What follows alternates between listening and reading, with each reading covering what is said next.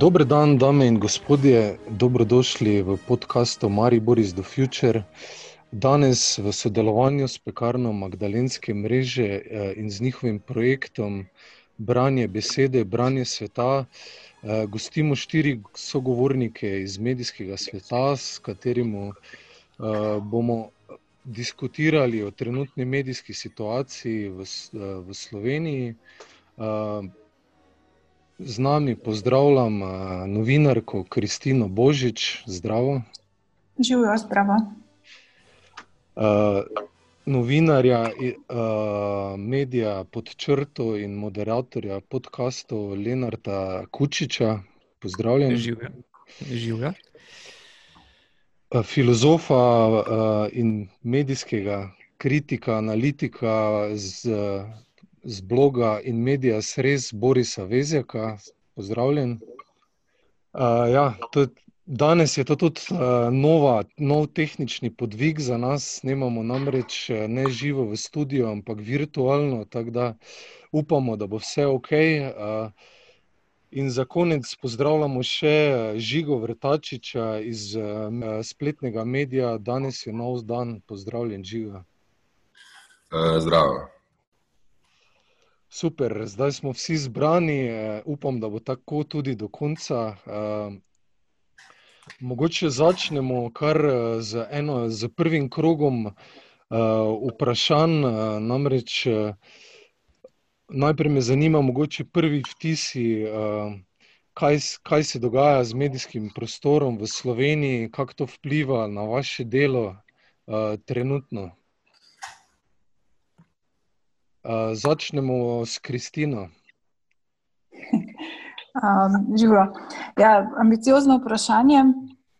Jaz trenutno um, sem nazaj, kot se reče, rado na svobodi, uh, po treh letih in pol uh, sodelovanja, oziroma uh, ko sem bila zaposlena na večeru. Tako da moja odločitev v bistvu za to je bila v tem, da se mi je zdelo potrebno, da naredim mogoče spet en korak um, nazaj in malo premislim, kaj se dogaja, kaj delamo v kakšnem okolju. Um, tako da jaz tudi, mislim, glede na samo vprašanje, bom bolj izhajala iz sebe. No, se mi zdi, da mogoče niti nimam toliko pregleda nad celotnim medijskim prostorom. Um, ampak meni tako se zdi, jaz zelo imam rada poklic novinarstva, zdi se mi zelo pomemben. Um, in pomembno se mi zdi zaradi tega tudi, da ohranim nekako okolje, v katerem lahko z veseljem in na nek način, verjetno nečem, kar ljudje rečejo, določeno naivnostjo, počnem to, kar počnem. Um, mislim pa tudi, da moramo novinari si na nek način odgovoriti, da bomo pač delali naš poklic od 8 do 4 uh, znotraj nekih relativno tradicionalnih um, oblik zaposlitve za dobičke oziroma obstoj podjetja, ali pa bomo v bistvu resno vzeli to idejo, da nekako služimo javnosti, tudi da delamo v bistvu za obveščenost javnosti, za njihovo pravico do tega, da vejo, da družba sama sebe razmišlja.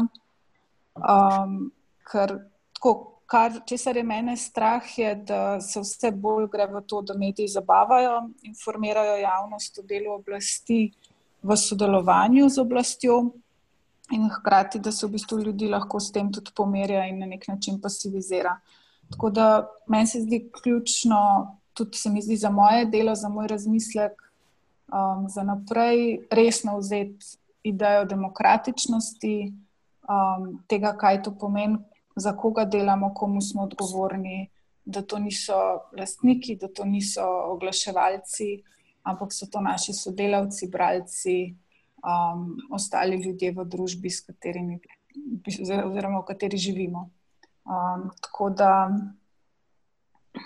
Tako, um, to je moj razmislek, v bistvu, kaj, kaj naprej. No. Mogoče, mislim pa, da mogoče pove tudi nekaj o tem, um, kje smo zdaj, um, oziroma kaj, kaj se meni zdi, da so problemi, s katerimi se soočamo, pa ki mogoče niso vezani direkt samo na sedanjo oblast ali pa sedanji trenutek. Um, so se pa vsekakor, mislim, da ponovno pač vzpostavile, oziroma so se postavile nekatera vprašanja, ki ne vem, če smo jih uspeli reflektirati. Ne. Pač samo poročanje številk, poročanje, ki pravzaprav določene stvari normalizira, zaradi tega, ker kljub temu, da upozori na nepravilnosti, se potem nič ne spremeni. Um, tako, pa bom tukaj mogoče se ustavljala, no, da nam predolga. Mhm. Hvala. Um, Lenard, kakšno je stanje na podčrtu, kako vi spremljate situacijo? Tukaj bi se tudi lahko navezal na Kristino Umrščem, da po eni strani zdaj prihajamo v take primerne čase za zelo temeljit premislek, kaj ta poklic sploh je, kdo so naši naravni zavezniki in v čem je sploh smisel tega, kar delamo, zaradi tega, ker iz takih tudi najbolj pragmatičnih razlogov uh, se zdaj dogaja to, da je medijska industrija po skoraj stotih letih pač malo odvisna od tradicije, pa recimo po socializmu malo drugačna, v kapitalizmu meh drugačen, ampak je izgubila nekako odgovor na ključno vprašanje, kdo so na koncu naše stranke in plačniki naših storitev in to je oglaševalci, zaradi tega, ker ta model se je očitno izčrpal in ga ne bo nikoli nazaj, zato se bo treba pač usmisliti mimo tega. In um, podobno, kot je bila zdaj Kristina, dobro tri leta na večeru, sem jaz zdaj počasi tri leta na počrto, kamor sem res stopil po. Skoraj bi rekel, nekaj 15 letih na delu in skoraj 10 letih sobotne priloge, kar še zmeraj verjetno, ali pa se je v tistem času še zmeraj veljalo kot um, eden od najbolj takih, ne, niti ne toliko samo prestižnih položajev v tem našem novinarjem prostoru, ampak tudi položajev, ki je v tem medijskem prostoru omogočil še zmeraj nekako največ svobode in pri izbiri tem, in predvsem pri času za obdelavo teh tem, kar pomeni, ni bilo vse samo z danes na jutro, ampak sem imel luksus priprave uh, dela in pisanja tudi tako, recimo po par dni ali pa včasih tudi kakšen teden. Uh, in na neki točki se je to iz različnih razlogov tako spremenilo, da je bila kakršna koli taka ne, dodatna ura ali dan ali kaj še kaj več za obdelavo določene teme, um, prepoznano samo kot en tak nepotreben strošek ali pa ovira večji učinkovitosti, ampak seveda ta učinkovitost pomeni samo to, da imaš na drugi strani ali oglaševalca ali pa računalniški algoritem, nikakor pa ne uh, bravca in državljana, ki mu morda pomagaš večkrat razločiti svet. Zdaj, hmm. uh, na počrto je bilo tako, da ena od reči, ki mi je bila že od samega začetka všeč, ker sem tako, ta projekt spremljal praktično od, od ustanovitve, je bilo to, da je bila pri obeh soustanoviteljih ta IPA in že tu že od samega začetka pač par stvari popolnoma jasnih. In to je, da uh, je to recimo avtohtono digitalen projekt, ki nima nobene vezi s prejšnjimi poslovnimi modeli, v smislu, ni še toliko potok naročnikov, ki sicer počasi odmirajo, ampak še vseeno prenašajo določen vir, ni dolgoročnih oglaševalskih pot. Skratka, nič od tega ni, kar bi omogočalo en tak način dela po starem, pa z nekimi manjšimi spremembami, ampak smo nekako vedeli, da je treba iti na polno v ta pravi digitalen produkt. In da je treba, seveda, temu primerno poiskati tudi vire financiranja, ki bi bili za te nove čase uh, nekako vzdržni. In smo in se je pač s časom izoblikoval ta model, ki ga imamo zdaj, da imamo pač več virov financiranja, ampak uh, izhodišče vseh, ki smo zraven, pa bil na kakšen način si v bistvu ustvariti pogoje za delo in na kakšen način.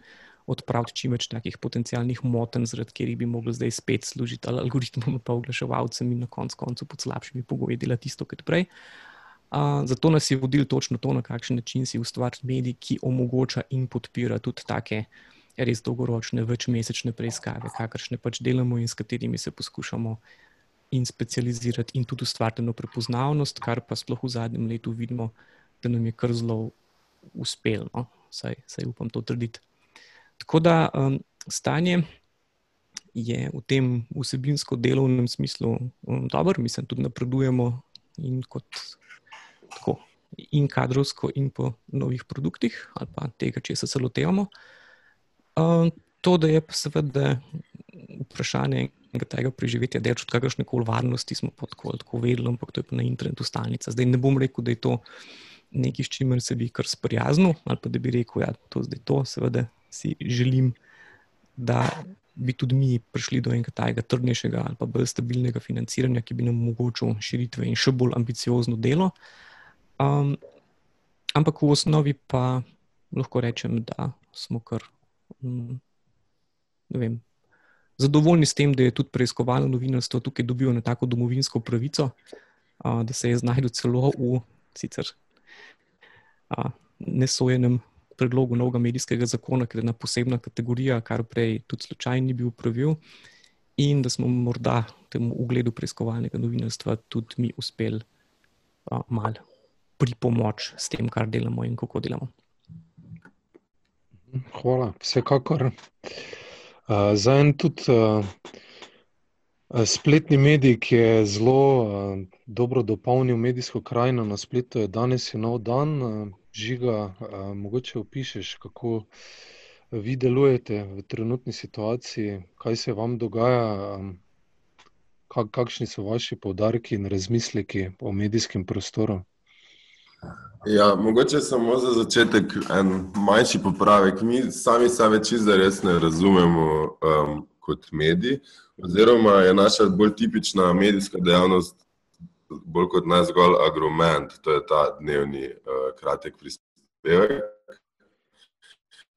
um, ki pa ga v bistvu nikoli nismo uspeli niti nekaj preveč aktivno poskušali narediti vzdržnega v smislu finančne vzdržnosti ampak je to vedno v bistvu nek projekt, v katerega doniramo svoje lastne ure in si torej plačujemo plače z drugimi projekti. Tako da, kar se tega tiče, kako kot neodvisni mediji um, preživeti, smo mi mogoče težko damo kak.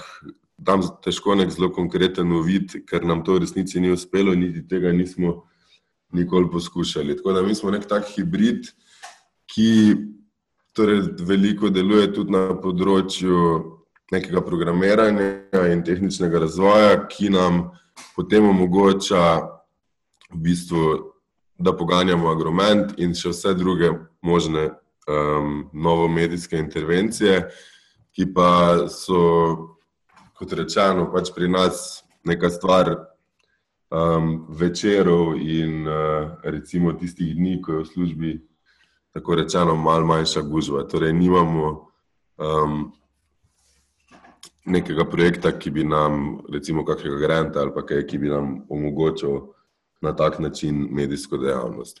Je pa argument, um, mogoče malo zgodovine, ker je. Gre morda zanimiva. Torej, mi smo to, mi smo danes, danes startali kot tako v času tistih prejšnjih eh, vse slovenske ostaje 2012. In smo sebe videli predvsem kot nek prostor na spletu, kjer se bodo ljudje torej pogovarjali. Naš prvi projekt so bili tisti predlogi, kjer so, kjer so ljudje pač diskutirali o predlogih, kako izboljšati družbo. In potem smo imeli sami v bistvu ful težavo s tem, da smo, da smo vendar začeli objavljati argumente ker smo imeli neko identitetno krizo, kako zdaj, če smo vedno se postavili kot prostor in tudi šli nekako kot kritika tega, da so na tistih protestih nekateri protestniki se recimo postavljali kot glas, um, kot glas vseh, ki protestirajo, pa čeprav je bila tako heterogena javnost in množica.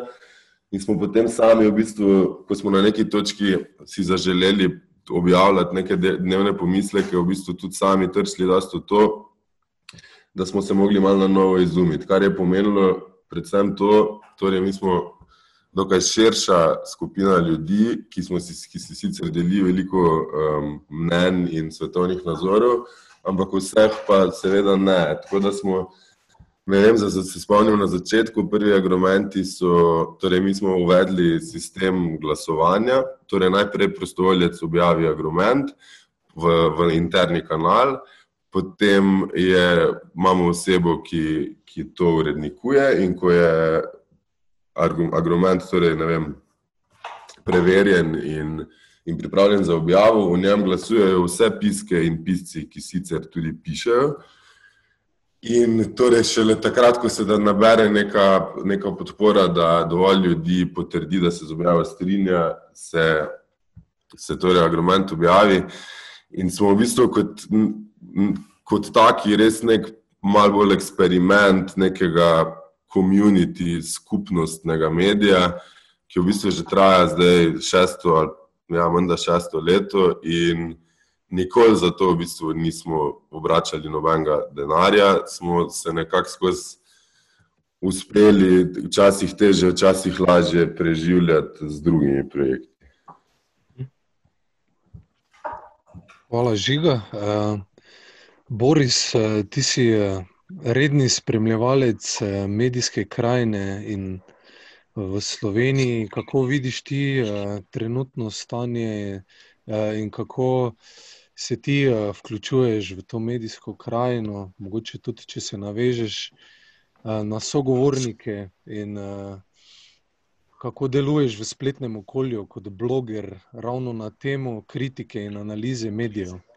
Poskušal bom odgovoriti na to vprašanje. Um, dve stvari sta, o katerih bi moral najprej povedati nekaj. Uh, najprej je ta moja čisto osebna pozicija, uh, moji prej, torej prejšnji sogovorci so začeli te prvo osebne pozicije. Ja, tako kot si povedal, žiga, dejansko že 15 let ustvarjam blog, ki je bolj ali manj posvečen analizi, bi rekel, domače medijske situacije.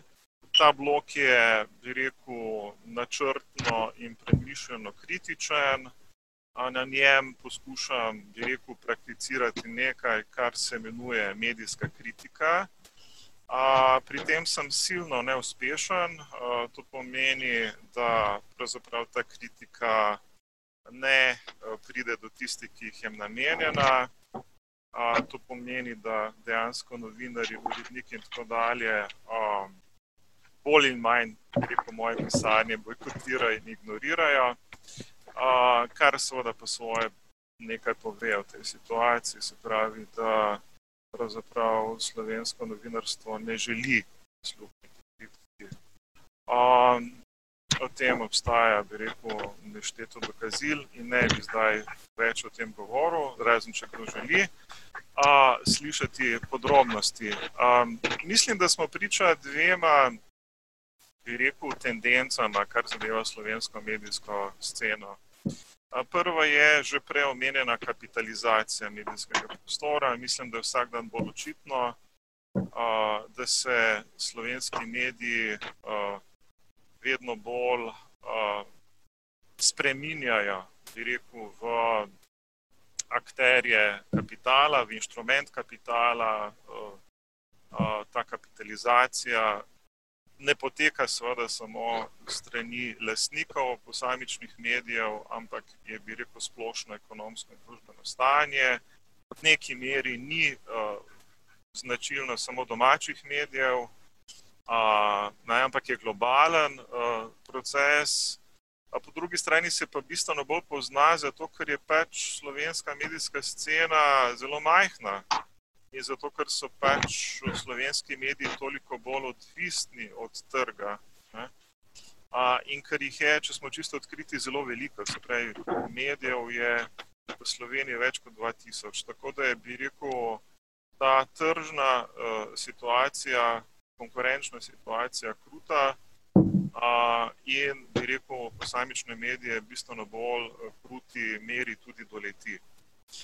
Um, Drug problem, ki se tudi poglablja, je pa politizacija slovenske medijske krajine. Se pravi, oba procesa postajata vedno bolj akutna, vedno bolj akutna in kapitalizacija in politizacija. Mislim, da vsi vemo, o čem govorimo. Se pravi, slovenski mediji, to sem prepričan, ne, so že dolgo nazaj zboleli za to bipolarno motnjo in to na neki precej patološki ravni seveda imamo, bi rekel, leve in desne medije posod po svetu, ne? ampak da bi se to odražalo v eni taki zelo o, patološki dimenziji, to pa vidite zelo redko. Uh, in, ta, in en del te politizacije je pa seveda tudi uh, počasna preobrazba domačih medijev v uh, ta neposredna politična strankarska vodila.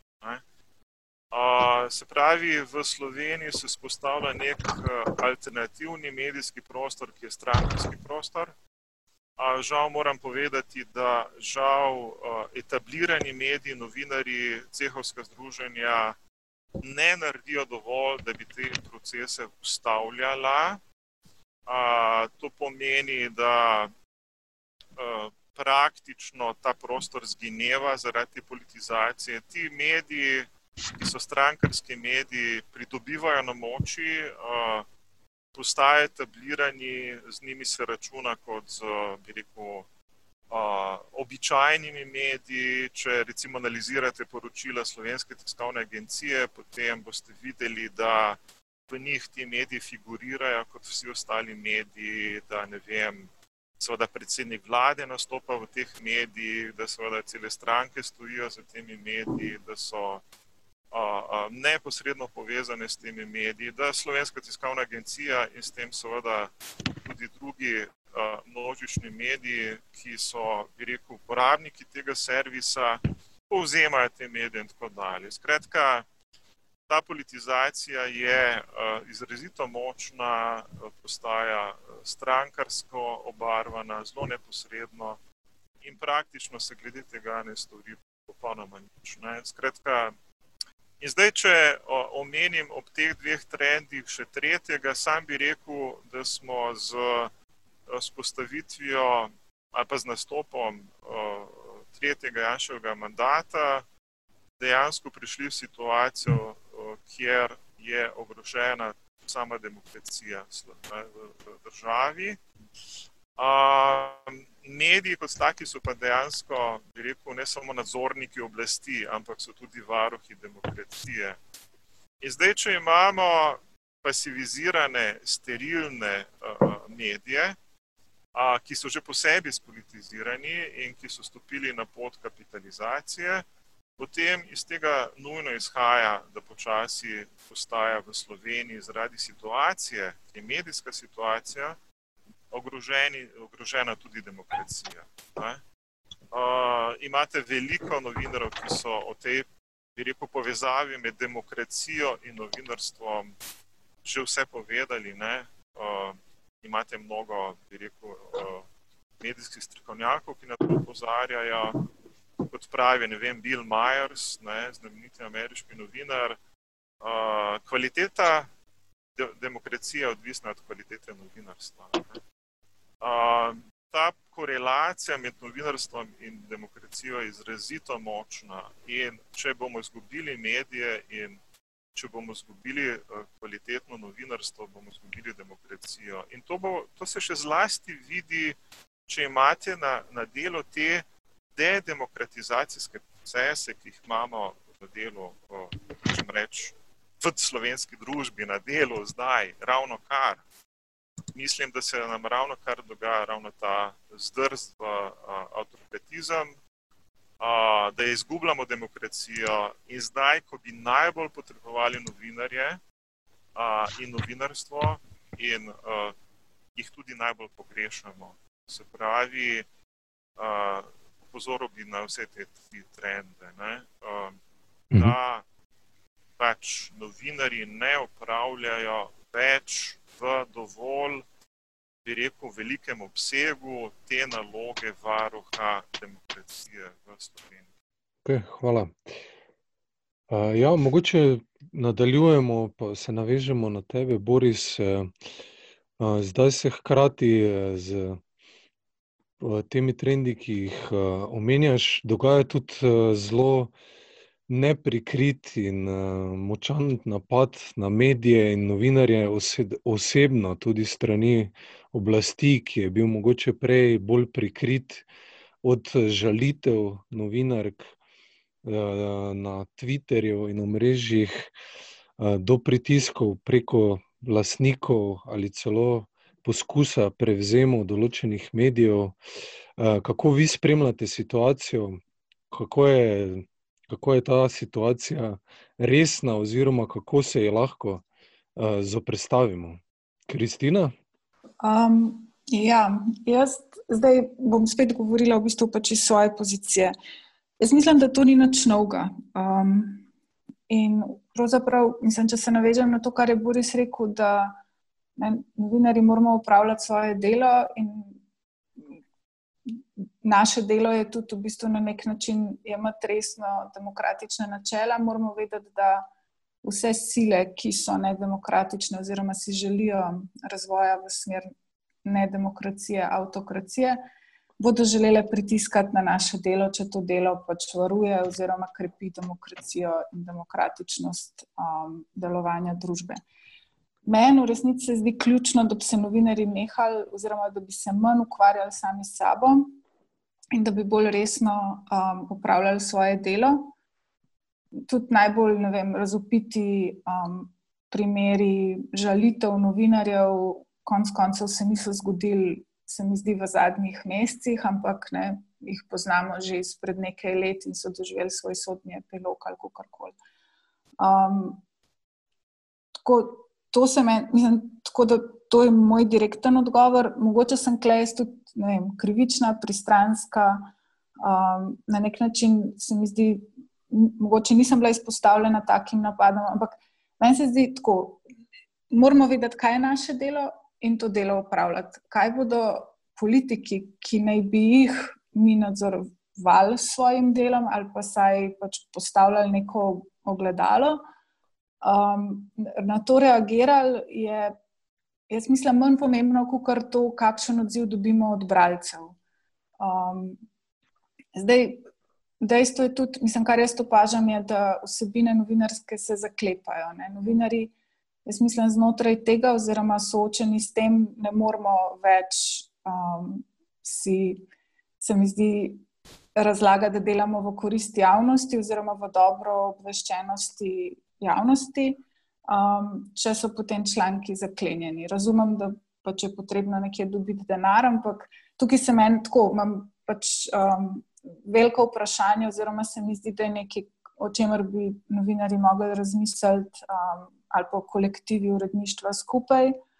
Nekaj, o čemer se pa ne govori, pa jaz mislim, da bi bilo zelo fino reflektirati. Jaz v bistvu sama niti ne znam, smo to, mislim, sem pač omenjala te stvari, um, ki smo jih opazili.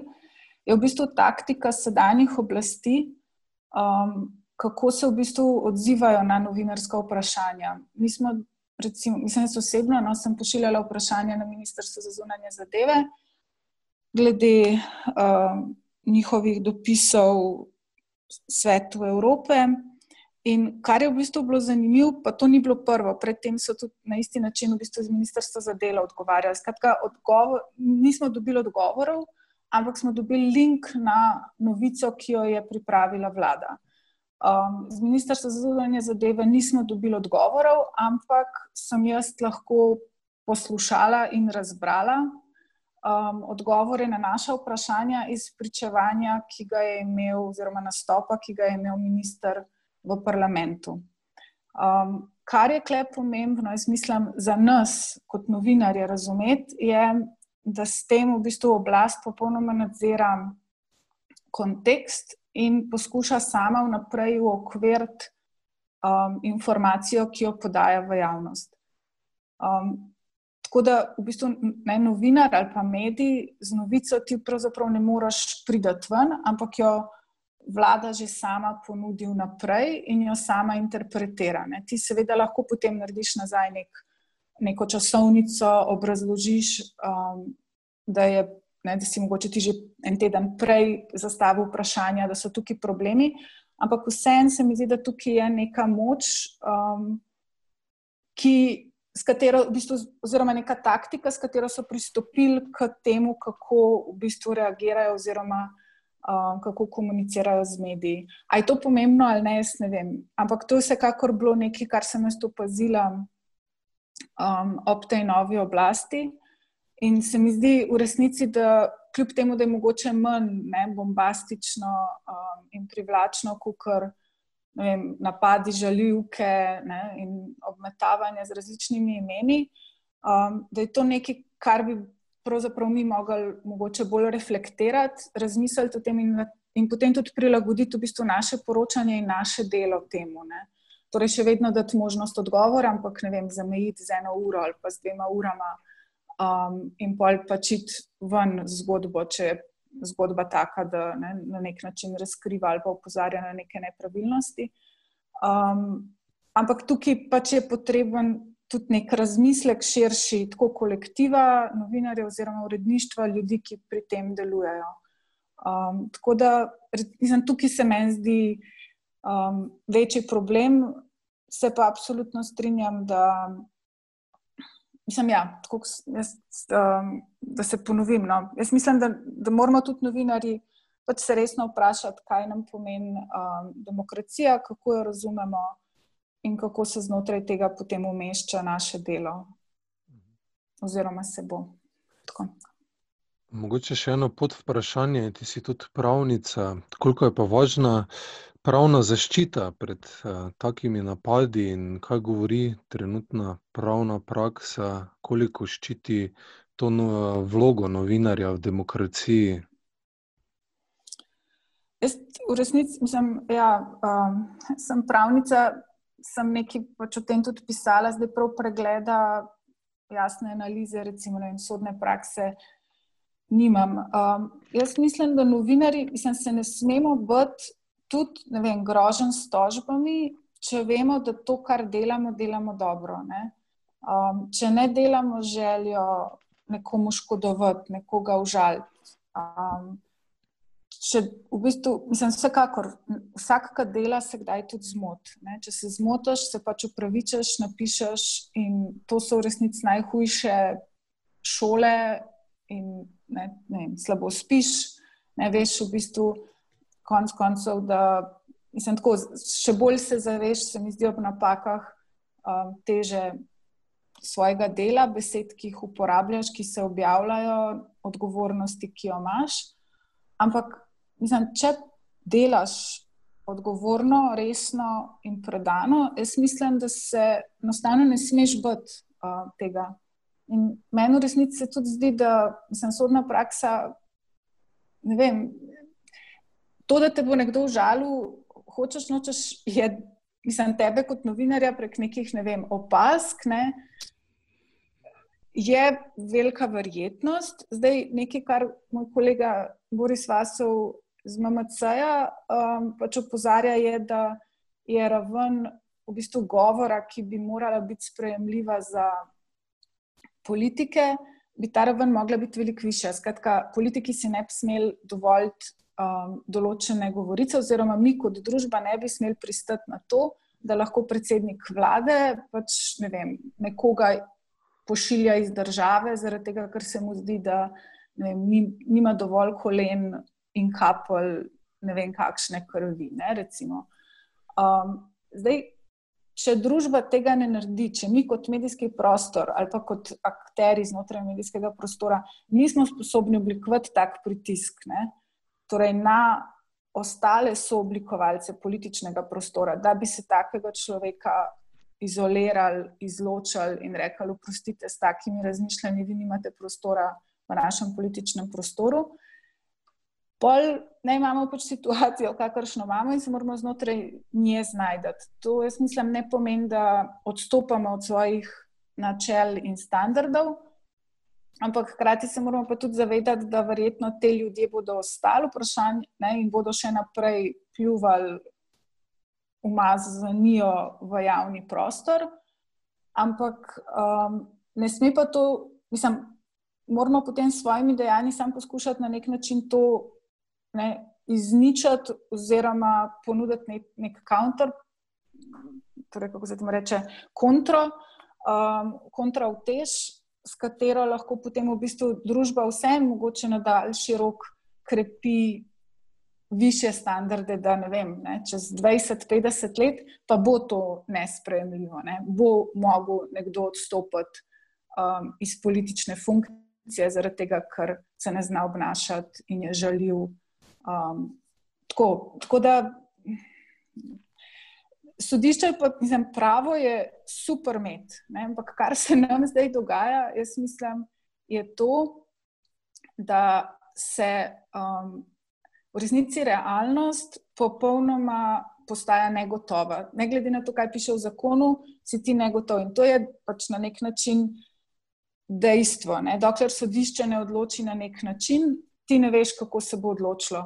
Um, do zdaj je, bila, je bil občutek neke te gotovosti. Kar vidimo zdaj, se mi zdi, je tudi to, da oblasti uživajo v tem, da lahko pač arbitrarno odločajo, delujejo in ne ponudijo argumentov, zakaj nekaj naredijo. Um, hkrati pa tako, pač svoboda govora je ne, v Ameriki. Um, Velja na nek način pač svoboda užaliti, oziroma zavedati se, da ne, te lahko drugi tudi užalijo. Um, jaz mislim, da to je nekaj, kar družbeno ne bi smelo biti spremljiv, je pa zelo tanka linija, če se to pravno um, začne urejati.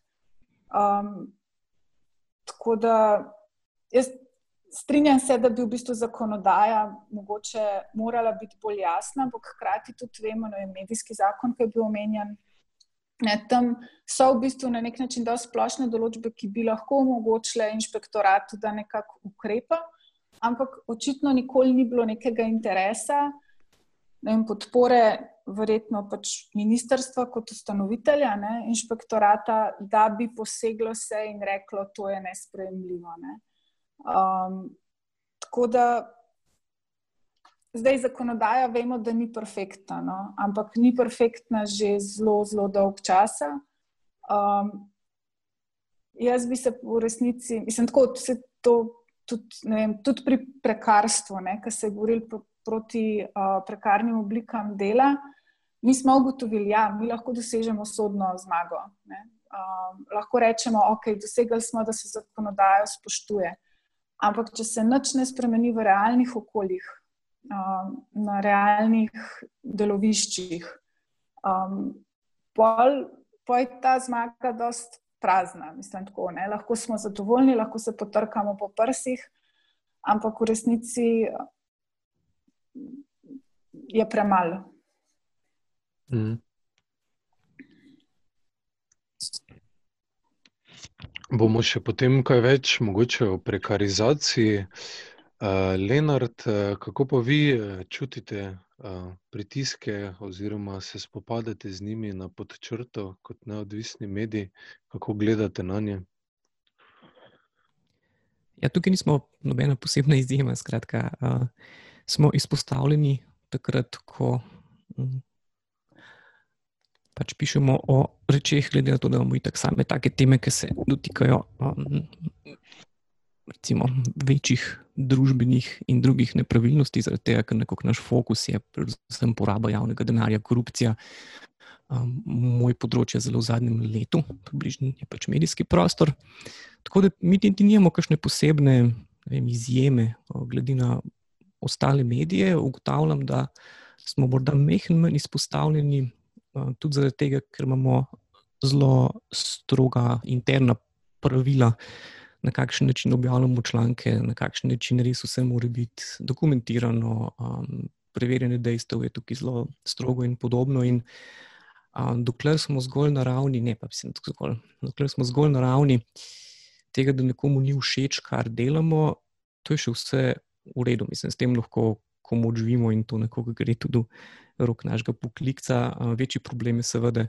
Ali pa tega se tudi mi najbolj bojimo, da mi nekaj naredimo narobe in da potem um, to lahko ali ogrosi, recimo, kakšno večjo preiskavo, kar pomeni um, skoraj na nek način podobno kot je to živsko delo, kar pomeni, da recimo imaš negativcem v praktično vse dokažeš, pa pa padeš na postopkovnem, recimo, to je nekaj tazga, kar se ti lahko v preiskovalnem hitro zgodi, če nisi previden.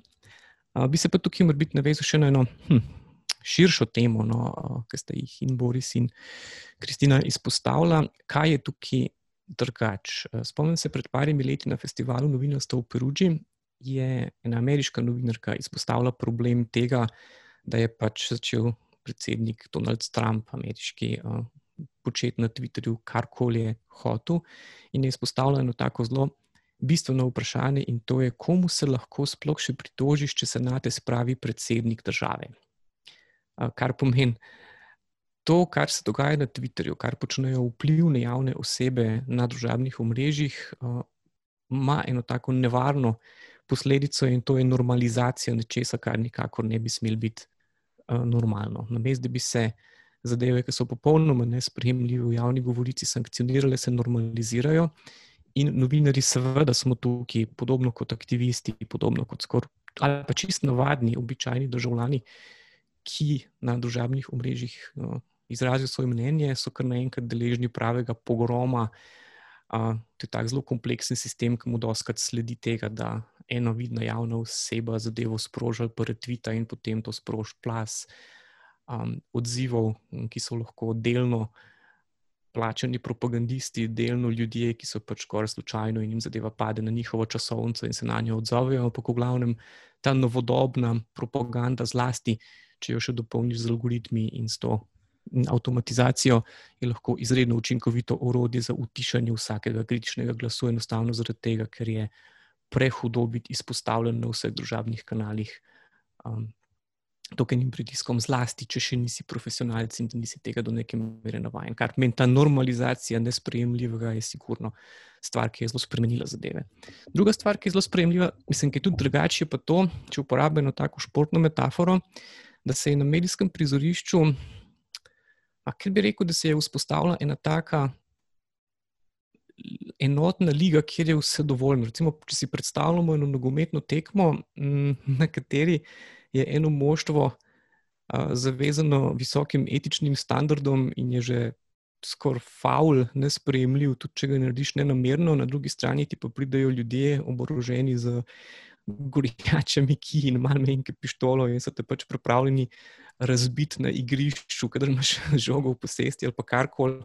In da tukaj ni nobenega sodnika, ki bi v tem primeru pisal, faul, pa pol rumen karton in rdeč karton, potem dobimo to, kar dobimo. Zaradi tega, ker, vidimo v tej vse enotni medijski ligi, ker zdaj kar naenkrat ni več razlika, ali si ti huliganska skupina, si ti navijač ali kar koli, te financira stranka, morda celo a, stranka tuje države, a, na drugi strani imaš pa en poklic, ki je še zmeraj zavezan vsaj načeloma, razmeroma visokim standardom odnosa do dejstev, do preverjenega, do čim bolj resničnega, in da daš vse skupaj v eno, eno enotno ligo in rečeš, da pa tukaj ni pravil, samo pejte se eni proti drugim in se gremo argumentom oči.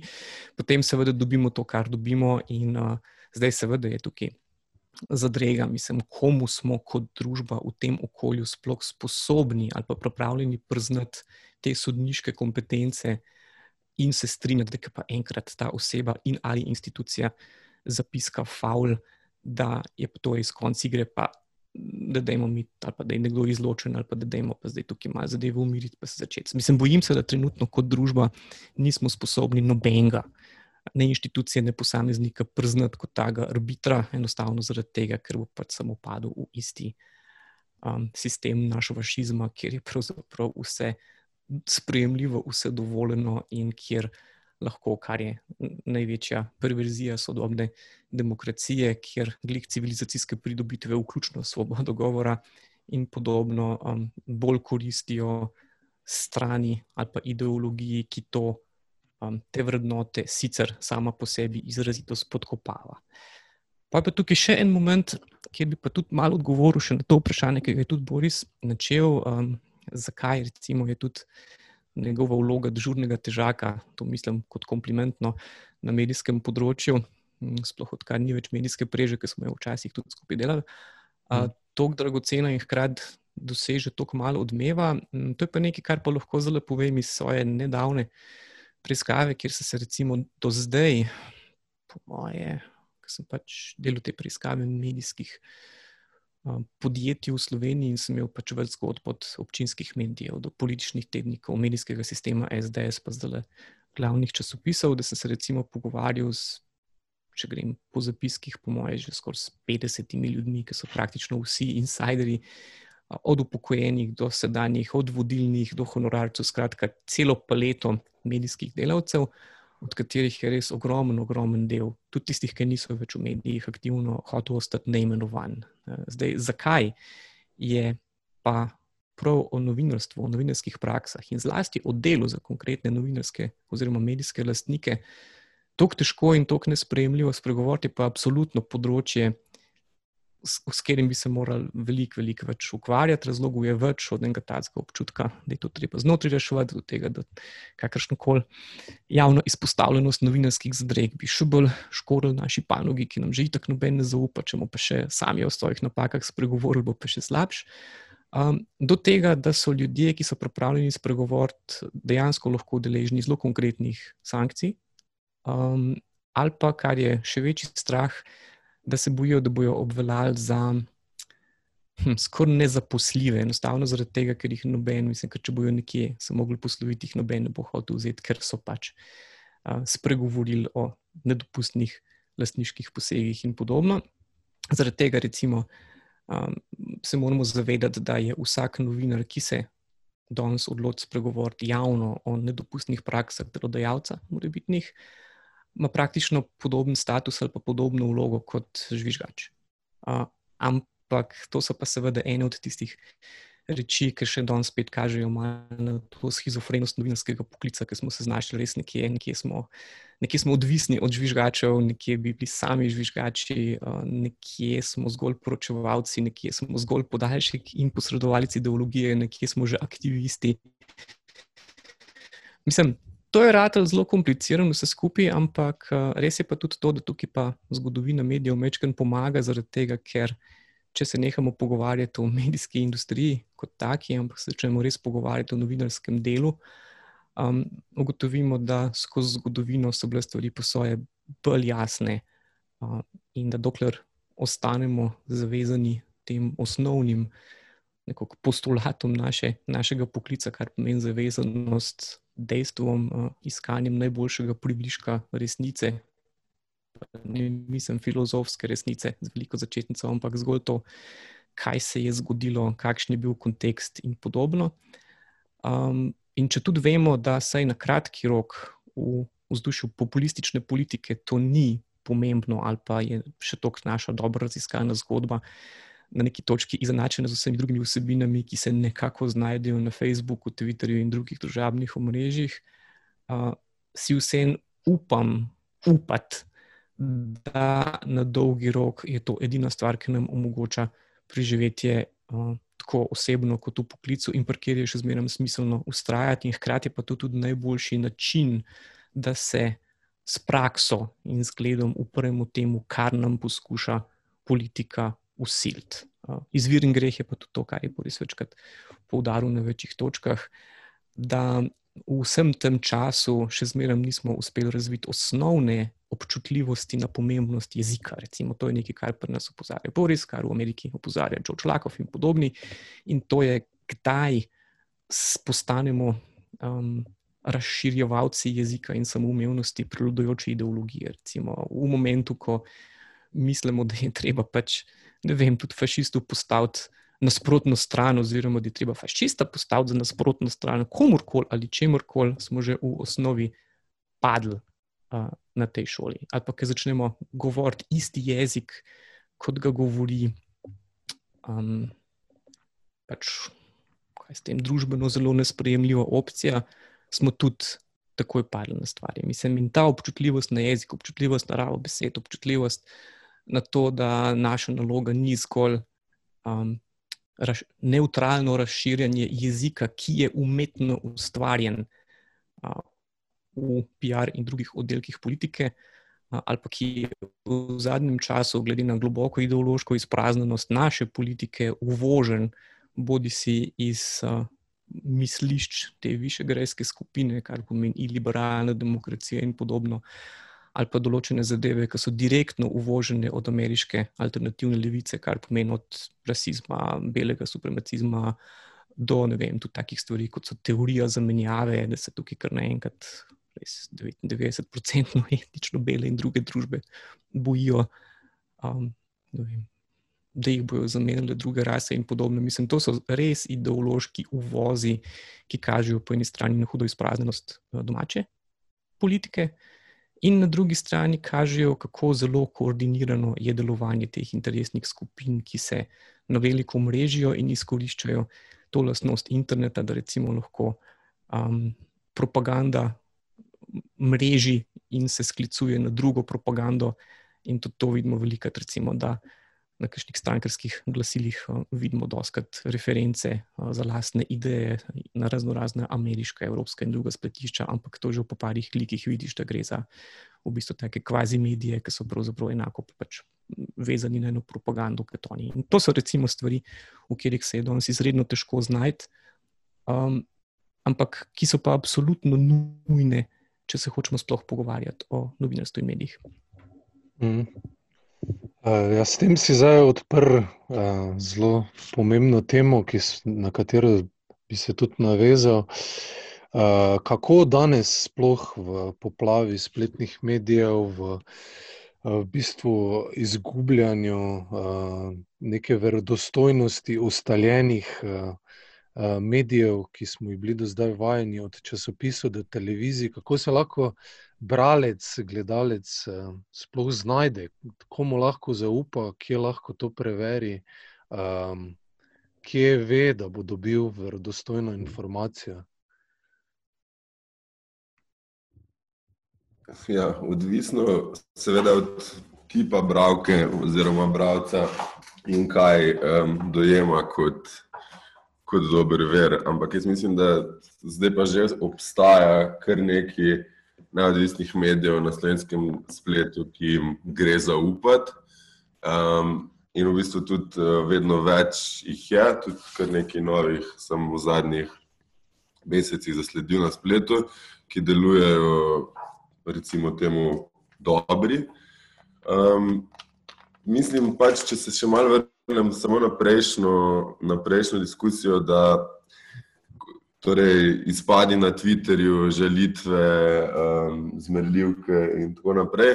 Mislim, da tukaj pomembno vlogo vseeno igrajo tudi tradicionalni mediji, ker v bistvu delujejo kot, kot nek um, ojačevalec v bistvu teh tweetov. Ker recimo, v, če gledamo tudi v ZDA, um, morda 20 odstotkov američanov, pa mislim, da je številka nižja, uporablja Twitter, medtem ko od tega jih followa Donalda Trumpa še toliko, še toliko manjši delež, medtem ko vsak njegov tweet konča na, na večernih poročilih in se v bistvu šele tam postane zares škodljiv. Ne.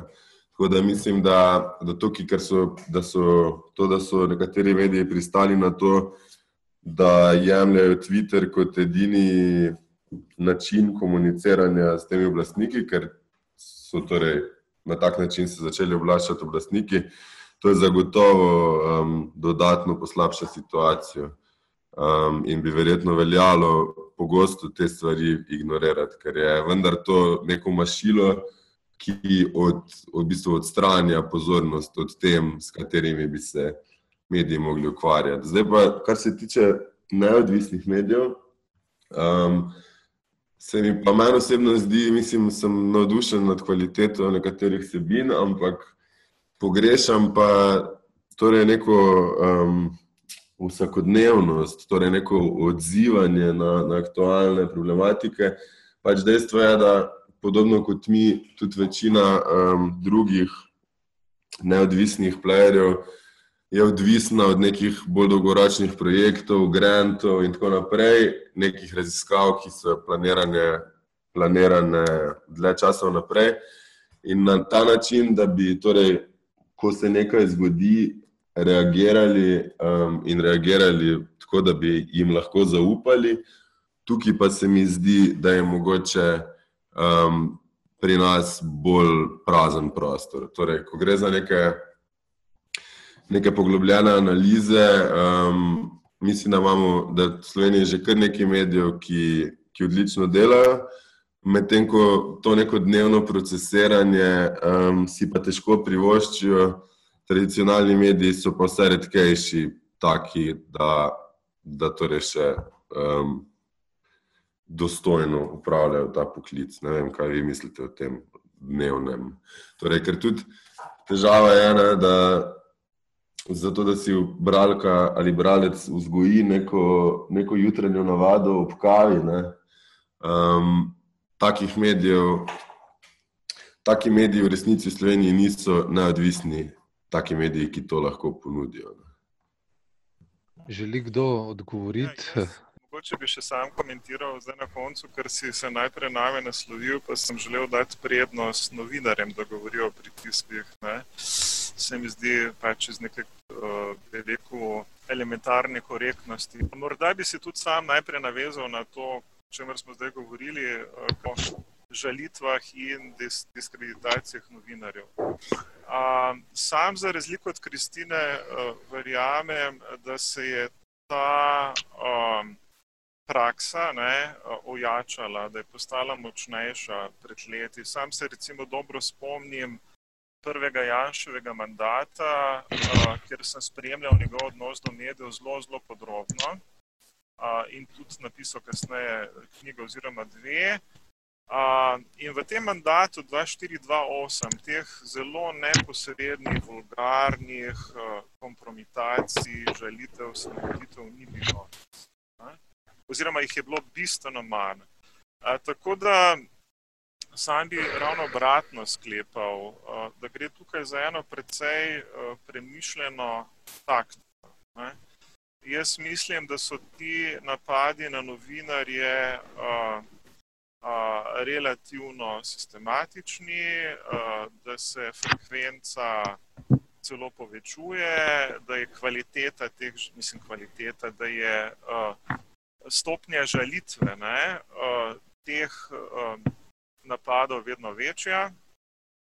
Uh, in da je to postalo, kako bi rekel, preprosto en del te uh, psihopolitike, ki jo recimo vladajoča, trenutno vladajoča stranka preprosto izvaja. Jaz mislim, da so ti napadi precej uh, načrtni in so nasploh del, bi rekel, načina, kako poskuša vladajoča stranka in predsednik vlade uh, pripričati ne, svoje voljivce, predvsem, pa seveda tudi vse druge, uh, v svoje politične uh, cilje. Ne, svoje politične cilje ne, uh, in uh, kompromitacija je en eden od teh načinov. Ne, se pravi, tudi zaostrovanje te retorike je eden od teh načinov. Ne, in potem dobimo točno ta fenomen, ki ga je zdaj žiga uh, čudovito opisal da lahko potem, recimo, premije vedno reče: Veste, jaz sem in ta argument kar ponavlja. Veste, jaz sem nemočan, Mi, vsi množični mediji so proti meni in meni ostane samo Twitter in zato se branim. Se pravi, ne moramo govoriti o, rekel, dom, dominaciji nad mediji, ker imam samo svoj Twitter, s katerim se branim. Na podoben način kot to bi rekel, argumentira tudi Trump, bolj in manj uh, eksplicitno. Uh, resnica je pa seveda obratna, da on z enim samcatim tweetom pravzaprav potem diseminira ta svoj pliv po vseh množičnih medijih, ki to novico enega, ne, enega samca tega stavka z njegovega uh, Twitter računa, seveda z velikim veseljem širijo. Ampak zdaj vprašanje, kako širijo. Ne? Ko Janša napiše, da tukaj imamo prostitutke ne, na, v javni hiši in tako dalje, to širijo nekritično. Ne, jaz bi razumel, da o tem poročajo in pišajo, ampak ne, oni to naredijo na ravni breku oveščanja, suhoparnega oveščanja javnosti, ne da bi se do tega vrednostno opredelili.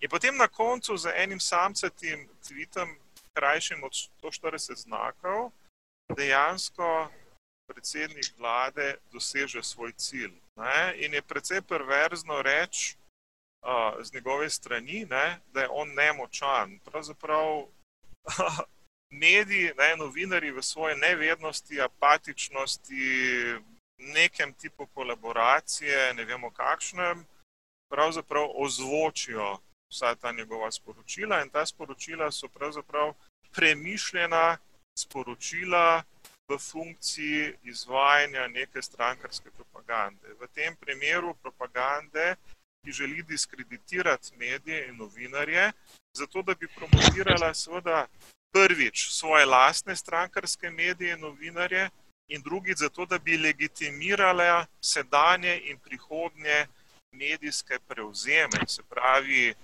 napovedi, da bo pač ta politika si podredila obstoječe medije, da si bo podredila RTV Slovenija, da si bo podredila Slovensko tiskovno agencijo in tako dalje in tako naprej. Um, se pravi, ta propa, propaganda zasmehovanja, žalitev ima več funkcij, ne, pripričevanja voljivcev in državljanov, drugič priprave na to, da bodo ti mediji, ki se jih napada, nekoč seveda tudi podrejeni, in tretjič tudi izvajanje neke damage control, ker kdaj se pa ti te žalitve napadajo, torej pojavijo točno takrat, ko je bila seveda oblast kritizirana. Ne? Um, in so na nek način povračilno sredstvo, da se, bi rekel, diskreditira bi rekel, tista sporočila, ki so kritična sporočila medijev, ki so bila ravno kar, bi rekel, namenjena oblasti. Ne.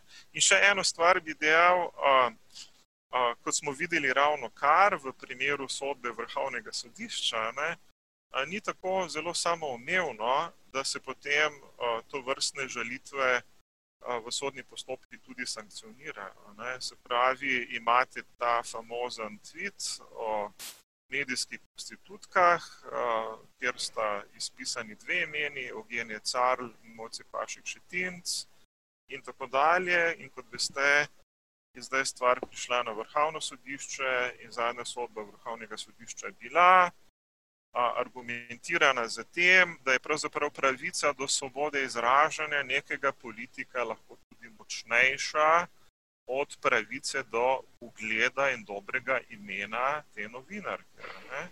In zdaj seveda vsi čakamo, kako se bo ta stvar nadaljevala na ustavnem sodišču. Želim povedati, da v veliki meri tudi pravosodje pomaga pri spostavljanju, bi rekel, nekega diskurza ali pa normalizacije, kot je rekel Leonard, normalizacije nekega zelo navarnega, toksičnega, strupenega političnega diskurza, o katerem govorimo in katerem postaja vedno bolj tarča tudi novinarja.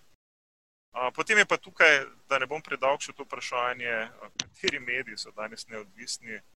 Pa če želiš, lahko tudi na to odgovorim na kratko. Ja, prosim. Ja. Ja, kateri mediji so danes neodvisni, vedno manj jih je, to je zelo očitno.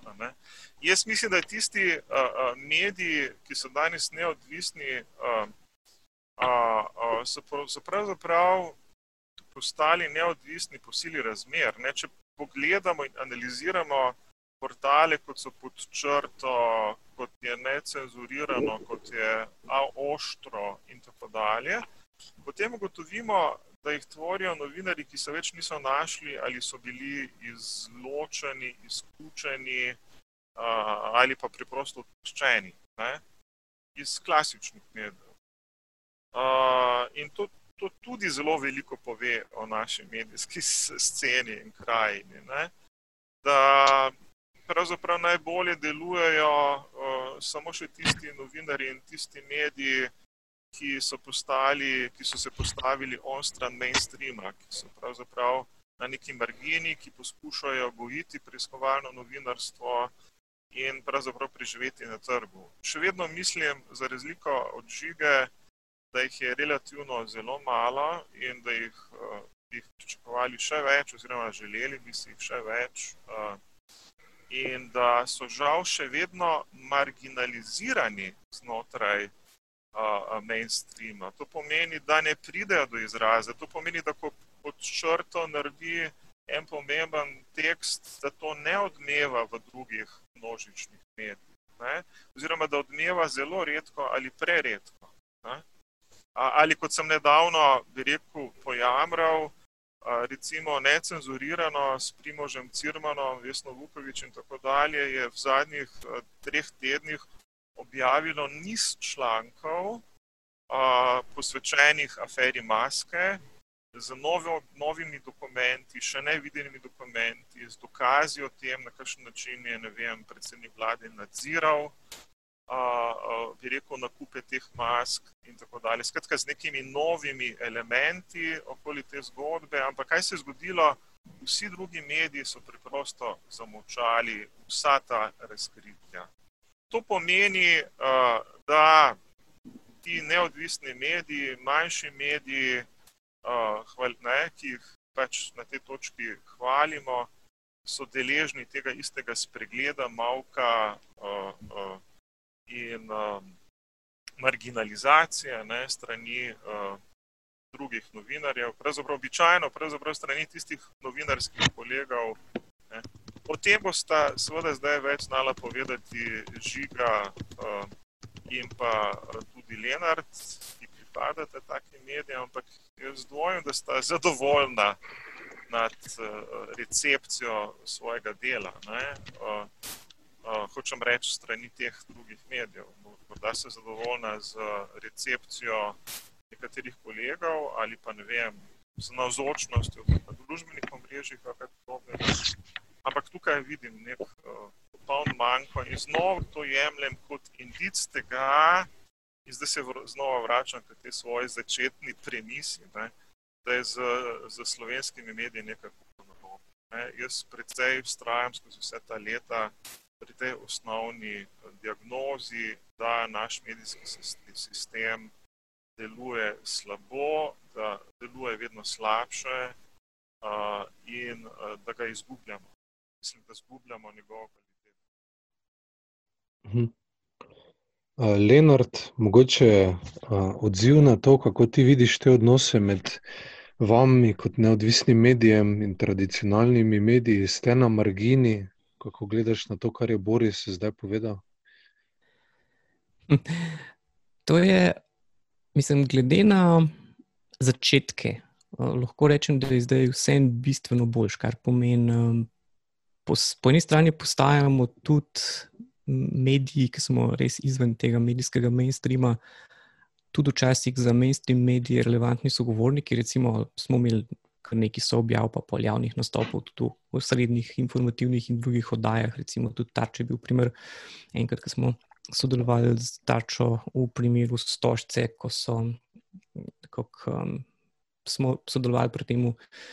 Primeru in smo in eni in drugi, recimo televizijski mediji, izkoristili to, ker so oni močni, je uporabil kar nekaj podatkov, ki smo jih mi zbrali. Recimo ta kombinacija, če bi bila pogostejša ali pa če bi bila običajna, bi nam bila zelo blizu, zaradi tega, ker ena od naših osnovnih idej, ko smo začrtali po črtu, je bila tudi recimo ameriška pro-publika, ki je temeljila na tej ideji, da veliki mediji uh, imajo vse manj prostora, časa in možnosti zganjati uh, kompleksne preiskovalne zgodbe, ampak da če recimo pro-publika um, ni merila predvsem na to, da bojo končni gledalci in poslušalci predvsem prebirali njihove zgodbe na njihovi strani, ampak da je mogoče s dobrimi zgodbami in sodelovanjem, recimo nekakšno koprodukcijo, dejansko dosežeti več, recimo, da oni so zelo dobri v preiskavah in če to povzame, kar še New York Times lahko zadeva ta nacionalna zgodba. In tudi oni so se mogli od začetka,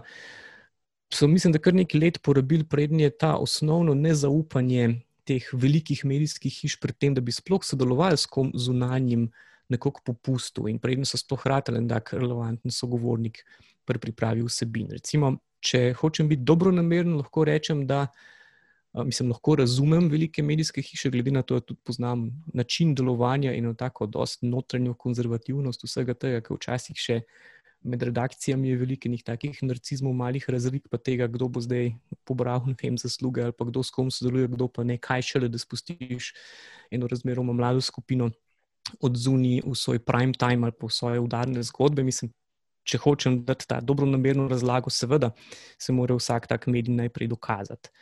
Um, ampak je pa res, če pa, da pa po eni strani je tega seveda še zmeraj premalo, oziroma vsake tok časa to obstaja, uh, lih tok, da lahko rečemo, da obstaja, ampak smo pa še deleč od tega, da bi to ratali stalna oblika sodelovanja ali pa da bi se nekako res širša, taka novinarska koalicija izoblikovala, češ.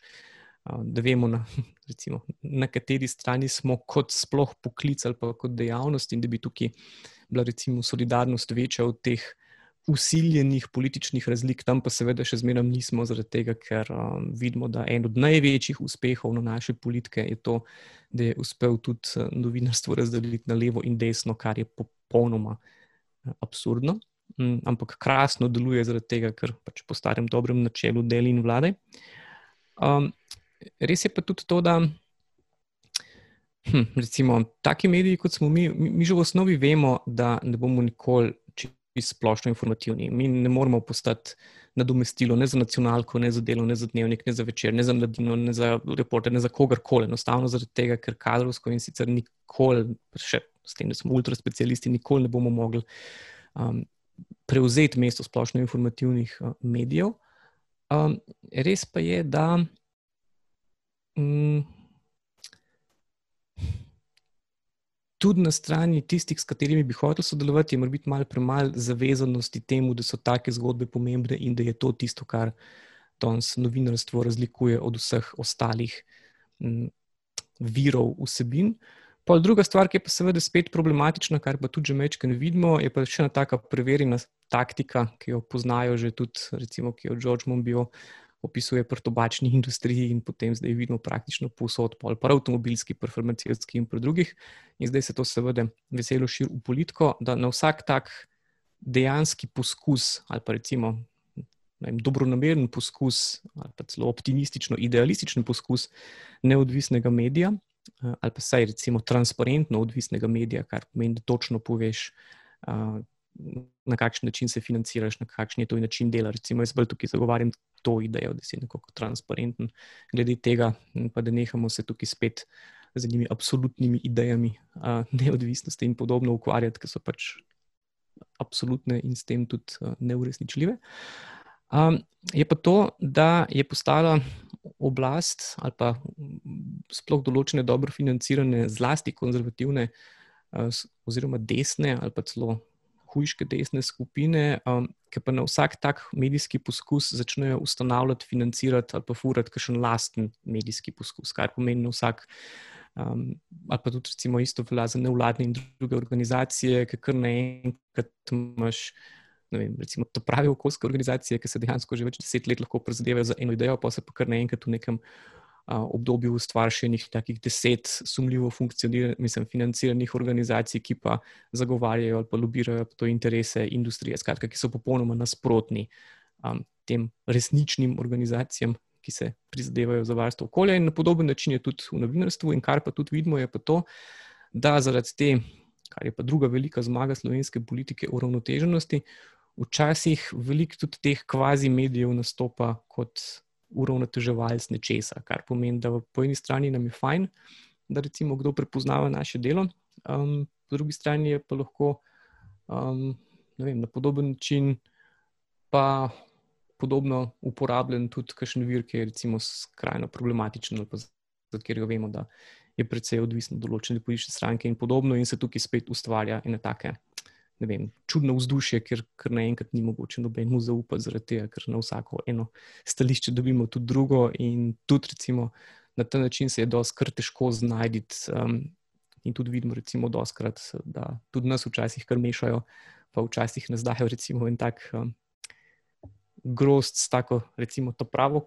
Konkurenco, ali pa ne vem, s tistimi, s katerimi si delimo ene osnovne uh, vrednote, včasih uh, nas pa kdo da tudi v kakšno družbo, uh, ki si pa ne bi mogli biti bolj narazen, ne po vrednotah, ne po načinu dela. To, tudi to, recimo, uh, ustvarjanje takih in drugačnih alternativnih medijev, alternativnih platform in podobno, je lahko zelo učinkovito sredstvo politične propagande. Mm. Žiga, bi še ti kaj dodal kot uh, odziv na, uh, na to problematiko odnosa med neodvisnimi in tradicionalnimi mediji? Kako vi gledate na to, na danes in nov dan? Ja, mislim, mi smo, bi rekel, kar uspešni v sodelovanju z drugimi, recimo, neodvisnimi mediji in NGO. In tako mislim, da se ta naša scena kar lepo dopolnjuje in sodeluje. Medtem ko klasičnih medijev pa še vedno v bistvu ne znamo zares priti, oziroma pridemo kadar njim ustreza, da želijo neko mnenje na neko zgodbo, ki je že na nek način določena, ampak da bi pa nam uspelo prodirati z nekimi temami, ki bi jih um, sami začrtali v, v, v klasične medije, pa moram reči, da, da zelo redko. Zdaj, seveda, obstajajo um, novinari in novinarke tudi v teh klasičnih medijih, ki so bolj dojemljivi za kakšna taka sodelovanja, ampak načeloma bi pa rekel, da je tega zelo malo in se mi to malo doživljamo kot da bi se morda nekateri mediji tudi kar čutili malo ogrožene od vseh um, teh mas novih spletnih um, instanc. Torej, da se na nek način obnašajo morda kar malo konkurenčno. Kar je seveda bizarno, ker upravljamo popolnoma druge funkcije. Mm. Uh, zdaj, uh, Hvala, Žiga. Lenart nas mora počasi zapustiti, me pa zanima, ostali trije, še imate par minut časa, da načnemo še vprašanje prekarizacije v medijih. Ja, seveda. Ja. Lahko. Ja, lahko. Čeprav ne vem, koliko imam uvida vanjo.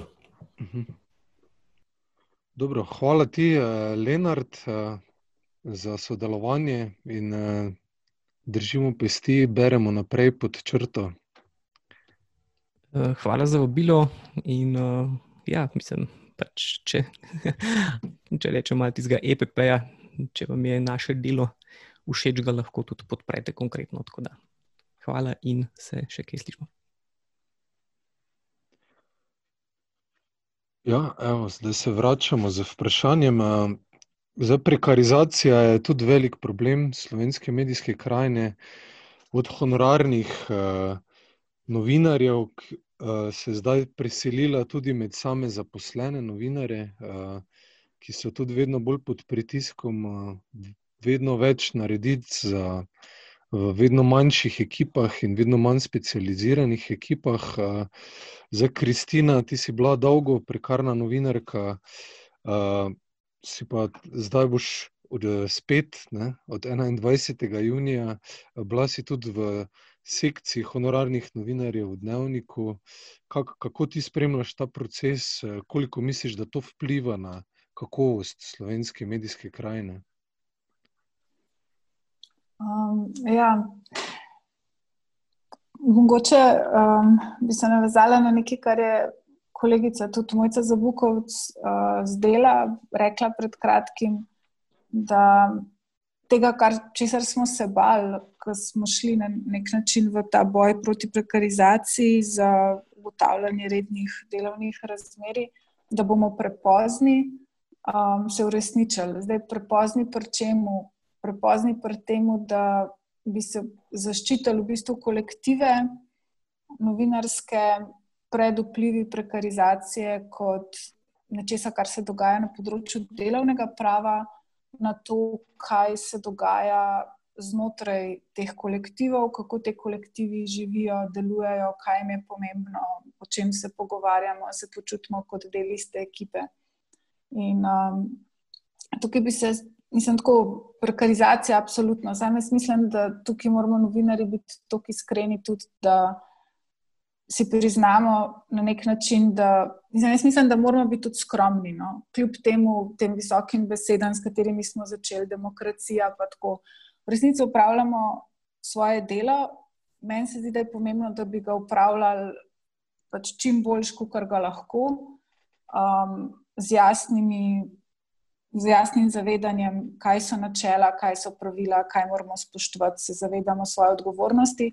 Ampak konec koncev, mislim, svoje odgovornosti se mora zahte, za, ne, zavedati vsak dan in se je zaveda ne, tudi prodajalka v trgovini, čistilka v vrtu, ker če bo ona ne, uporabljala neko napačno čistilo, so lahko vem, zastrupljeni otroci.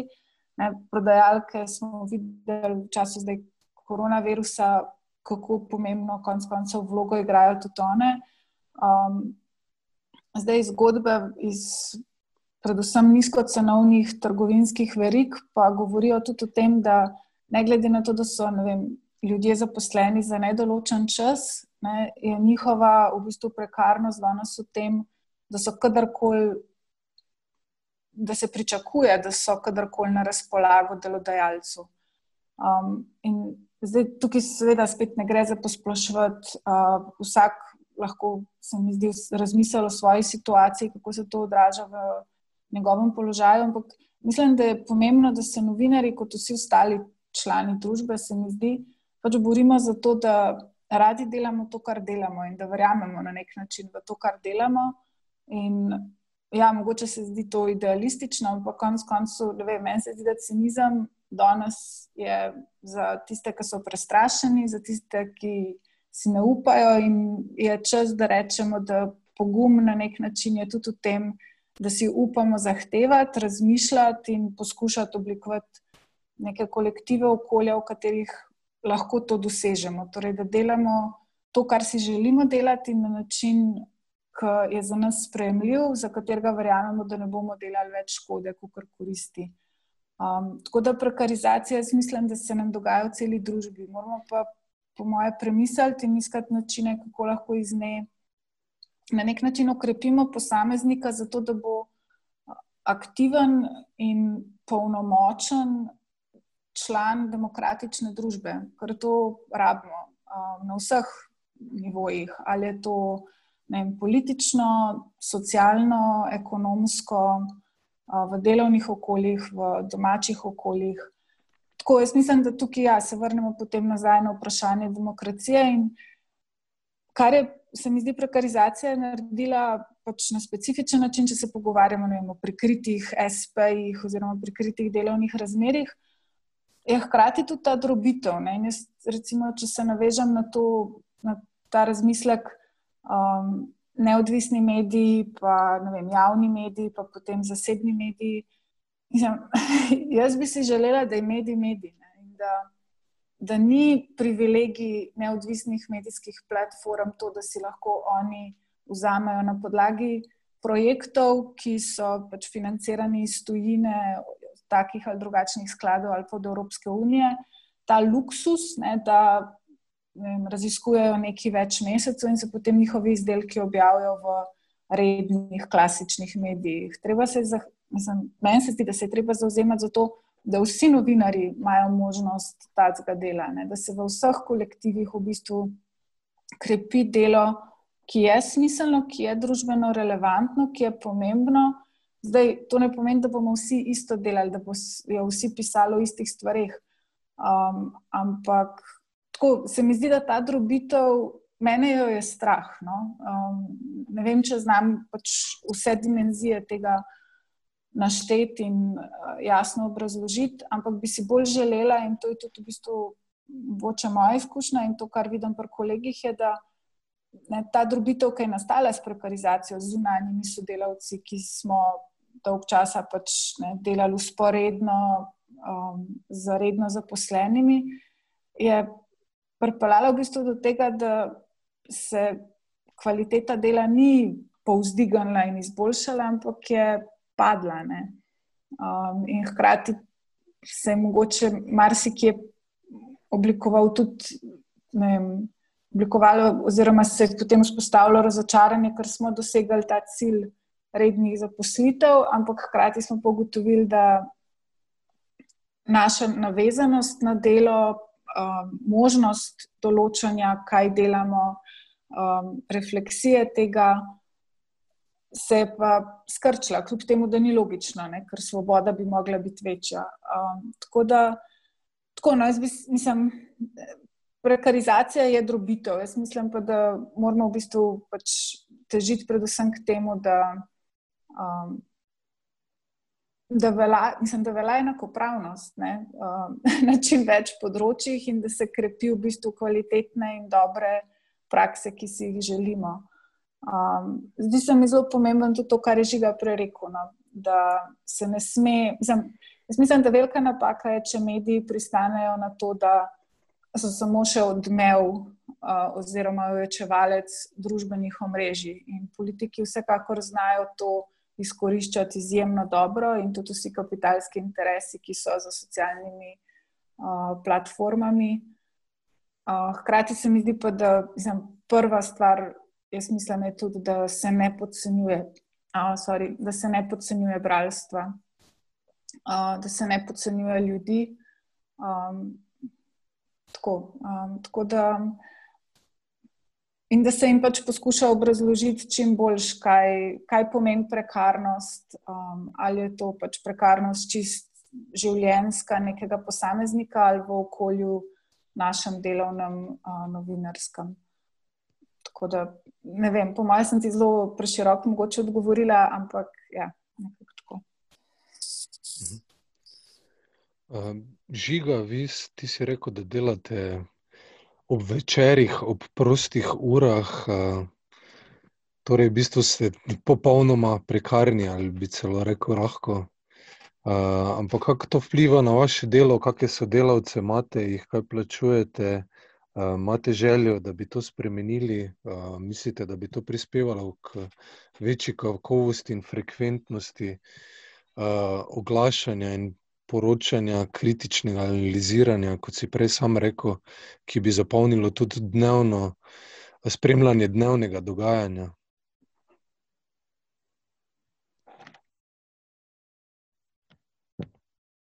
Žiga, si še tu? Aha, mislim, da Dobre, čujem, sem bil muten. Ja. Um, ja, skratka, ni čisto točno, da smo, da smo vsi prekarni ali da smo torej vsi čisto na prostovoljski bazi. Angažmaji znotraj ekipe so zelo različni, od zaposlenih do, do takšnih, ki sodelujejo čisto na prostovoljski bazi. Ampak to, kar sem prej rekel, se nanašalo na to, da za, torej, za dejanske vsebine, ki jih objavljamo dnevno, To pa niso stvari, ki bi nastajale znotraj delovnega časa, kogarkoli. No. Samo to Aha, sem okay. drugače. Kar se pa tiče, ker si, torej, ker si ne moremo tega privoščiti, ker smo prisiljeni um, svoje ure pač porabljati drugače. Kot inštitut tudi delamo tudi včasih um, stvari kot kakšni podizvajalci, čist tehnološko itd., ker je to edini način, da, da smo sploh lahko skupaj v bistvu. Ampak, kar se tiče prekarnosti v novinarstvu, bi jaz sam mogoče rekel še, da jo je vsekakor zaradi spleta zdaj več kot kadarkoli prej, da torej pač mediji niso več tržno vzdržna operacija in zaradi tega se na take čudne načine, kot tudi v preostali del gospodarstva, transformirajo v neke prekarne servise. Ampak um, jaz mislim, da se treba narediti v bistvu korak nazaj, pa se vprašati čisto kot družba, um, če smo sposobni ugotoviti, da vsebine niso in ne morejo biti za ston in da poslovni modeli trenutno v medijih ni sploh ne delujejo. Um, če pa delujejo, ne, se pa obdelujejo na način nekih algoritmov, tako imenovanega content scoring modelov in to recimo, da je do, do skrajnosti prignal kakšen BuzzFeed, ki v bistvu ta, testirajo članke, preden jih objavijo širše v nekih manjših, da testirajo headline, testirajo slike, ki jih dodajo in se grejo v bistvu, kot bi se šli e-commerce, v bistvu na tak način prodajajo članke. In seveda nočemo in ne smemo dopustiti in da, da gre v to smer, in to vsekakor ni prava pot drugega načina služenja denarja z sebinami na spletu, pa,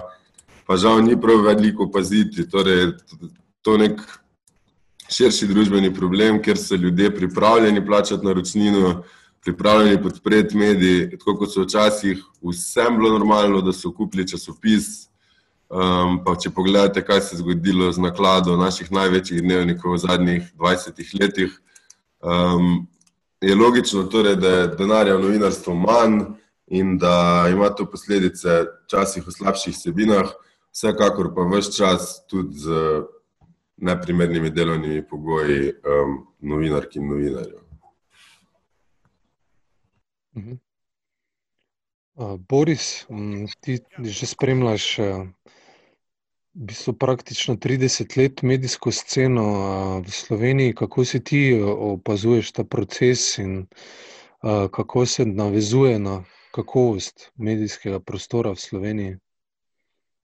Ja, morda bi za, za začetek malce šali povedal, da sem pionir v prekarnosti v Sloveniji. Uh, v smislu tega, da za svoje delo nisem še nikoli prejel niti enega centa plačila, uh, da gre za deset tisoče ur, ki, si, ki sem jih vložil v to medijsko kritiko in analizo. Uh, da sem, kot rečeno, na koncu deležen seveda samo prezira in želitev strani novinarjev, uh, ampak seveda nisem novinar, govorimo o novinarski kritiki oziroma o medijski toliko o moji prekarni izkušnji. A kar pa zadeva prekarnost v zvezi s tem, kako to vpliva na rekel, kakovost novinarskega dela, bi rekel naslednje. Situacija je zelo enostavna. Jaz mislim, seveda, da ima prekarno delo novinarjev, kakorkoli je že podobno, bi rekel, drugim situacijam v drugih poklicih, uh, posod po, svet, po svetu in tudi drugod, bistveno večje in bolj fatalne posledice. Uh, pre ta prekarnost je izrazito nekaj, kar ima resnično katastrofalne negativne posledice na samo kvaliteto izdelkov, na samo kakovost novinarskih sebin posledično ta neurejen, prekarni položaj novinarjev o, ogroža preomenjeno funkcijo medijev kot nadzornikov, oblastnikov, posledično tudi demokracijo kot tako. In seveda postavlja novinarje v vedno bolj odvisen položaj. Situacija je zelo enostavna. Namreč novinari, ki so v prekarnem odnosu v neki medijski hiši ali na nekem mediju, so preprosto odvisni od uh, lastnika, bistveno bolj in bistveno manj pravno zaščiteni. To pa seveda pomeni kaj? Da so bolj, uh, rekel, upogljivi, da so bolj ubogljivi, uh, da izvajo samo cenzuro v večjem obsegu, ker se preprosto bojijo za to službico, ki jo imajo. Ne? To pomeni, da si preprosto manj upajo. Ne? ne vsi, da se razumemo, ampak zelo veliko krat po logiki stvari si manj upajo, so bolj pokorni svojim urednikom, bolj pazijo na to, kaj bodo napisali, da ne bodo, bi rekel, njihove lesniki, lesniki in uredniki ali politika v končni fazi na njih jezni, in kar pa v praksi pomeni, ne, da je prekarni novinar bistveno bolj podvržen vsem meram disciplinizacije. Ne. Se pravi, avtonomijo novinarstva se ne bo dalo zadržati z prekarnim novinarstvom in prav obratno. Ne? To avtonomijo se, bi rekel, zelo rapidno tudi izgublja zaradi prekarizacije dela kot take. Ne? Se pravi, prekarni novinar uh, in problem prekarnosti novinarstvu ni samo še en primer prekarnosti, zato ker ima prekarnost v novinarstvu bistveno hujše posledice, bistveno hujše konsekvence, kot rečeno, tudi za radi funkcijo, ki, ki jo mediji pač morajo upravljati, se pravi, biti četrta ve oblasti, biti nadzorniki oblasti, biti čuvaj demokracije in vse to je zaradi prekarnega dela ogroženo. In še eno stvar, na eno stvar bi opozoril, Kristina bo morda to razumela bolje. Obstajajo seveda zelo različni, drugačni načini pritiska na novinarje, strani lastnikov. Najhujši so seveda tisti, kjer novinarjem preti, da bodo izgubili delo, ali tisti, kjer resnično izgubijo delo. In te taktike so zelo različne, kot vemo. Ne. Recimo, ugotovili smo, recimo na primeru časopisne hiše Delo, včasih lastniki ne upajo, ne vem, takoj odpustiti 20 novinarjev ali pa 30 novinarjev, ampak jih odpuščajo postopoma. Ne? Recimo danes pet, pa čez dva meseca spet deset, pa čez pet mesecev uh, spet pet in tako dalje, da na koncu pridejo do te želene številke. Ne? Ali pa recimo, da pride do situacije, v kateri resniki zahtevajo, da se bo vsem novinarjem znižala plača, recimo za 15% ali skupini novinarjev znižala plača za 15%. In rečejo, evo, ali bomo odpuščali, ali se boste pa vsi znižali plačo. Ne? In potem v imenu neke kvazi solidarnosti novinari pristanejo na znižanje plače in rečejo, evo, ne, če bom sebi znižal plačo, je to še vedno boljše, kot biti odpuščen in na borzi, pa še drugim bom pomagal, uh, da, je, da bodo ohranili službo, kajti sicer bodo tudi oni na cesti. Uh, še bi Kristina Žiga kaj dodala na to temo? Jaz mogoče bi se spomnila, um, zdaj to glede tega odpušč, odpuščanja, ko so bile omenjene. Se strinjam, ampak hkrati, znam, kar se meni zdi tako boleče, pa zdaj mogoče ne, bom, bom naredila glih tisto, kar sem rekla, da se mi zdi, da se ne bi smel delati, um, da govorimo preveč o novinari sami o sebi. Um, mislim, da če se ne motim, no, ampak skoraj sem prepričana. Um, kolega Matija Grah iz Dela je bil edini novinar, ki je ustrajal pri sodni poti in je tudi dosegel zmago na sodišču. Sodišče, kolikor vem, je ugotovilo, da je šlo za množično odpuščanje, kljub temu, da so to porazdelili ne, v manjše skupine. Um, in je tudi ugotovilo pač nezakonitost postopkov pri tem. Uh, kljub temu, pač tega novinarja danes ni več v novinarskih vrstah, vsaj, ko sem na zadnji z njim govorila, je delal oziroma bil zaposlen druge.